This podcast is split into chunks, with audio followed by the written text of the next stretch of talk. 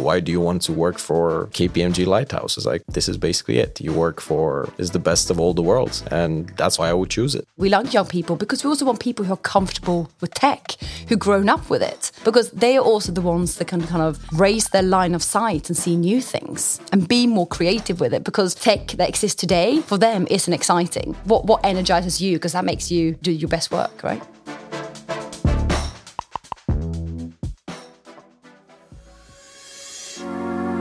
My name is Radu Petrescu, and I work as a software engineer at KPMG. What is Lighthouse? Well, Lighthouse is essentially a startup within KPMG. We're quite traditional in nature, as KPMG as a company as a whole, focusing on our usual capability lines audit, tax, consulting. And obviously, tech is on the rise everywhere. So, Lighthouse is our approach to making sure that happens.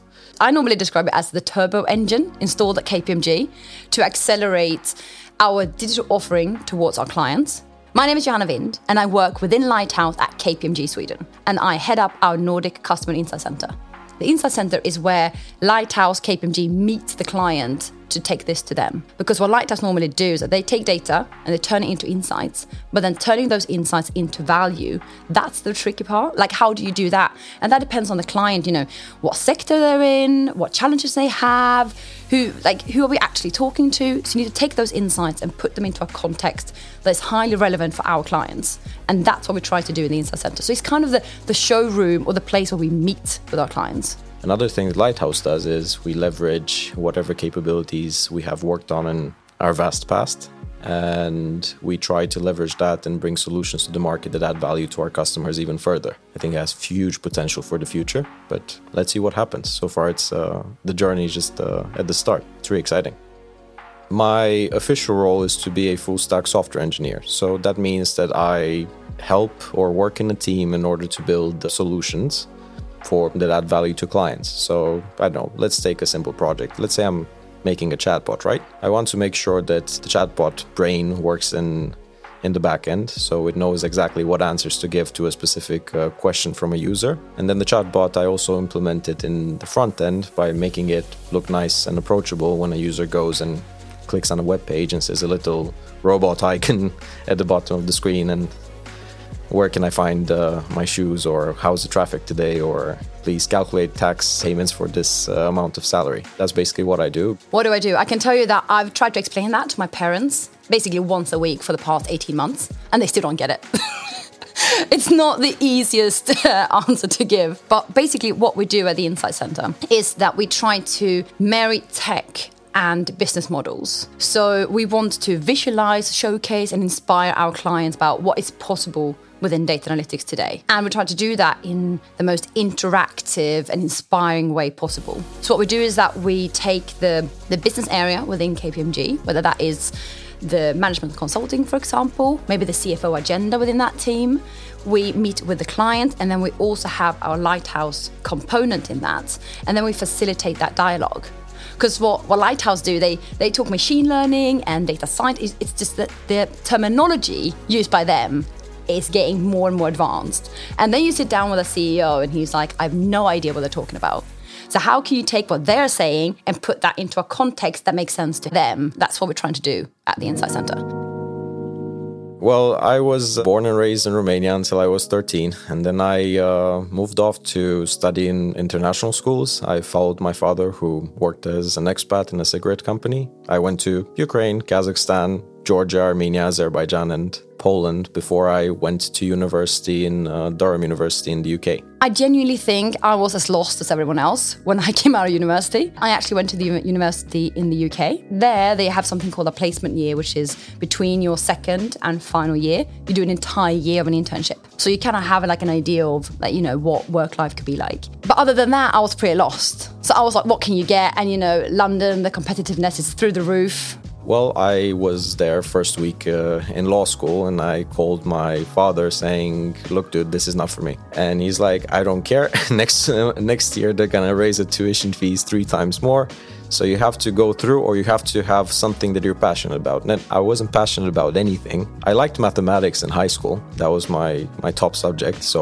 I have no idea why I went into law. I guess I was like, what can I get? What I get to do? I mean, tech and people. I know I like those two things. Just went through with it. I got good grades, but it was a miserable three years of lacking passion. So I said, okay, now you need to get a job. As soon as I graduated, I graduated with decent grades. And then I actually ended up as a recruiter within tech, which was completely wrong. I mean, it didn't last more than six months. I was like, I cannot stand this. Uh, and then started as a finance analyst at a big company that sell, sell books actually in the UK, where I really enjoyed the analyst side of things, maybe not the manual work so much, but I was like, it's quite interesting to, you know, work with the data, see what insights you can get out of it. And I really enjoyed that. And um, I started working for Big Fours then. So I was a tax consultant for two years.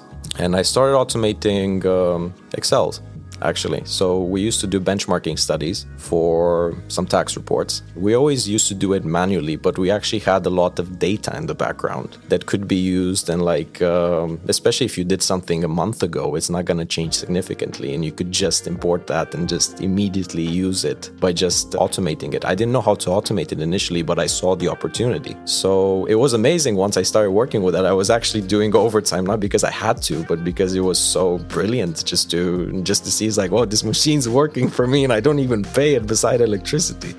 So, um, so yeah, I started doing that. And one day I felt like, okay. I've done this for a couple of years. What can I do to pursue this? And then I realized, okay, what is interesting to analyze? Okay, advertising. So then I moved to an ad tech company in London were actually used insights to build brands. So then I was just working with data driven decision making when it comes to building brands from an advertising perspective. And that was so cool to really understand how can you build personas? How can you understand your customer? And I think the key to building a brand is really building an emotional connection with your customers. So after that, you know, Brexit came, and I was like, I've got to, I've got to escape this country. So I went to a fintech in Bucharest, and this was uh, I started off as a manual tester. So you literally having some previous uh, accounting and finance knowledge would test the software from the user's perspective and then just deliver and give the bugs to the devs and saying, well, this is having this, this, this bugs. It's not working properly because the calculation here is off or it's negative or it should be positive. And that was the beginning of a tech career. Got uh, moved over to Sweden and started working with strategic marketing, which is also related to building brands, but like um, the grander scheme of things. Um, but then this job came up and I was like, actually, this is taking it to the next level. I move away from just the marketing side but this is like strategic management, but when it comes to digitalization for our clients. But also, what I didn't realize at the time is that basically I'm also building a brand. So I started learning SQL by myself and a bit of Python. And I remember I was having a beer on the terrace then. It was a Friday after work, and the database administrator approached me then and he said, like, I saw you did uh, your SQL qualification. I saw you on, on LinkedIn. You did your Oracle SQL uh, exam. It's like, yeah, I would really be interested in working that. It's like, well, we have a position open if you want for uh, for database administration. So I'm like, yeah, sure, definitely. Like this was like the purely technical role that I could get in uh, in the company. So I went there and I learned a lot and it was really stressful for a while, but it was positive stress. You felt it was it was constructive. You're going somewhere. You felt like you have this flame inside you sort of when you feel it's your passion and then you go for it. What I did notice eventually though was that I still needed some formal education because I was having many lacunae from areas that people with a software engineering or a computer science degree would uh, naturally have, and that would take usually three to four years back home. So I, saw, I thought to myself, okay, what's a solution to get it done with quicker? My mom literally approached me three days later saying, like, oh, you know how you're always complaining that you did law and you didn't do a computer science degree. Well, uh, apparently this university, Glasgow University, has like this conversion course, and they accept people with law backgrounds. Like, can I have a look at that? And it's like, this is brilliant. This is bloody brilliant yeah, I just uh, applied, and my grades from law school they actually they actually paid off because they allowed me to go to do a computer science conversion course. And I applied to a couple of companies, did technical interviews, and KPMG was the one that accepted me. Like, okay, well, I have some Big Four experience from before, and let's see, let's give it a go and see how tech works with it. But that's how essentially how I I got to choose this career. Also, I was initially in KPMG UK because this was Glasgow University. So I went from Glasgow to Manchester.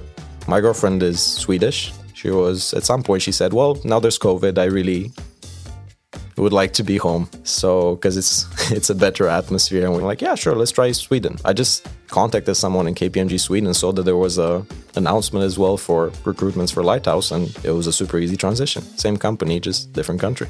Everything I've learned so far is not only what I love about the job, but it's also what I think helps me do a good job because we're trying to build that emotional connection, not just internally, but with our clients we want them to choose KPMG because they really trust us. You know, they walked away and they had an amazing feeling. That's why it's important that you also build all our Insight Center sessions as events. There's music, it's fun, it's interaction, because that is what you remember. So I think I've just kept on pursuing what I think is the most fun in every job I've had. And eventually you land in something where, I mean, not everything, but 90% of what I do is what I love. So yeah, I mean, you can get here from being lost, because I was definitely lost. So actually, well, we're looking for more people to, to run sessions, present digital solutions, but also can come in with that sort of creative feel to it, to kind of feel like, you know, they're actually organizing an event in this. But also the people who are comfortable being stood in front of a CEO and telling him what, what's the latest within data analytics.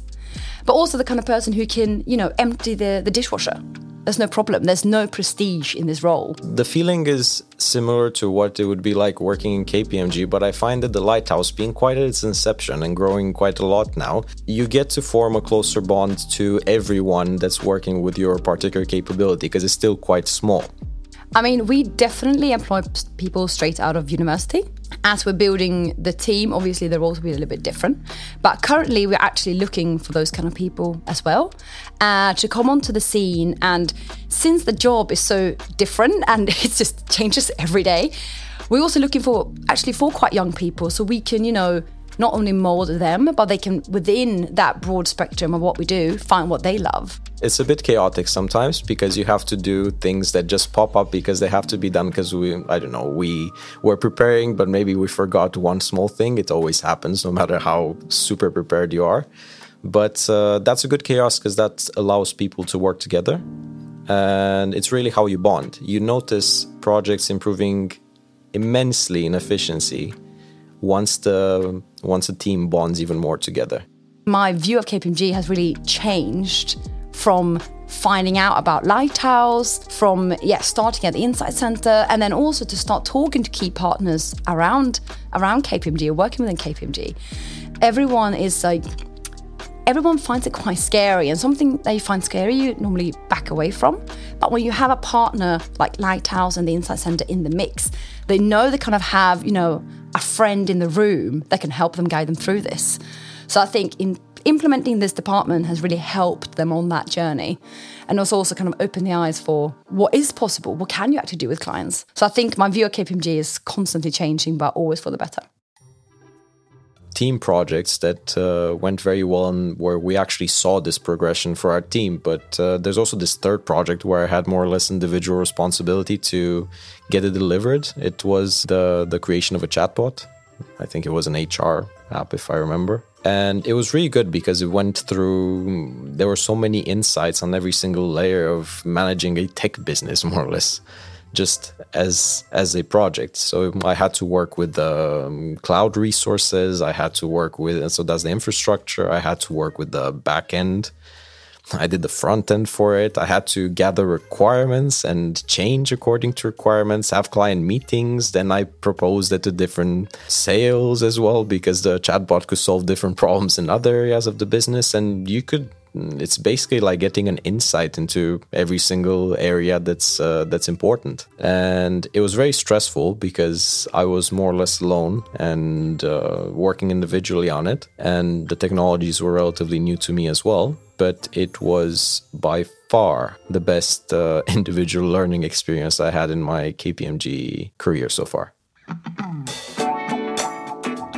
If you have an engagement that does not involve ignition it shouldn't really be an engagement. Like everything should be digitalization because that's what put KPMG at the forefront and that's how we can really help our clients, but also do the most interesting work in most aspects. So I think that's where I want the where I want to be in the next five years. So to have that established and really just integrated into everything that we do. You know, there's always this point in your career where you start questioning yourself, okay, what am I going to do with my life? What do I actually want to work with? I mean, you might be asking yourself, wherever you're listening to this podcast, if like, okay, why would I go to KPMG Lighthouse, for example? Well, let's have a look at the market overall, right? You're going to get the super big tech companies, but and they're cool to work with. They look nice on your CV, of course, but you're most likely going to be siloed on a very specific small piece of functionality in a very big project. If that's something you want, yeah, definitely go for it. But for me personally, I looked at that and it's not exactly the type of thing I would like to go go with. But otherwise, um, you get startups as well. Sometimes the big problem with startups is when you run out of funding. Now, KPMG is big, but Lighthouse is a startup within a big company. So you get a startup vibe, but you don't have funding problems.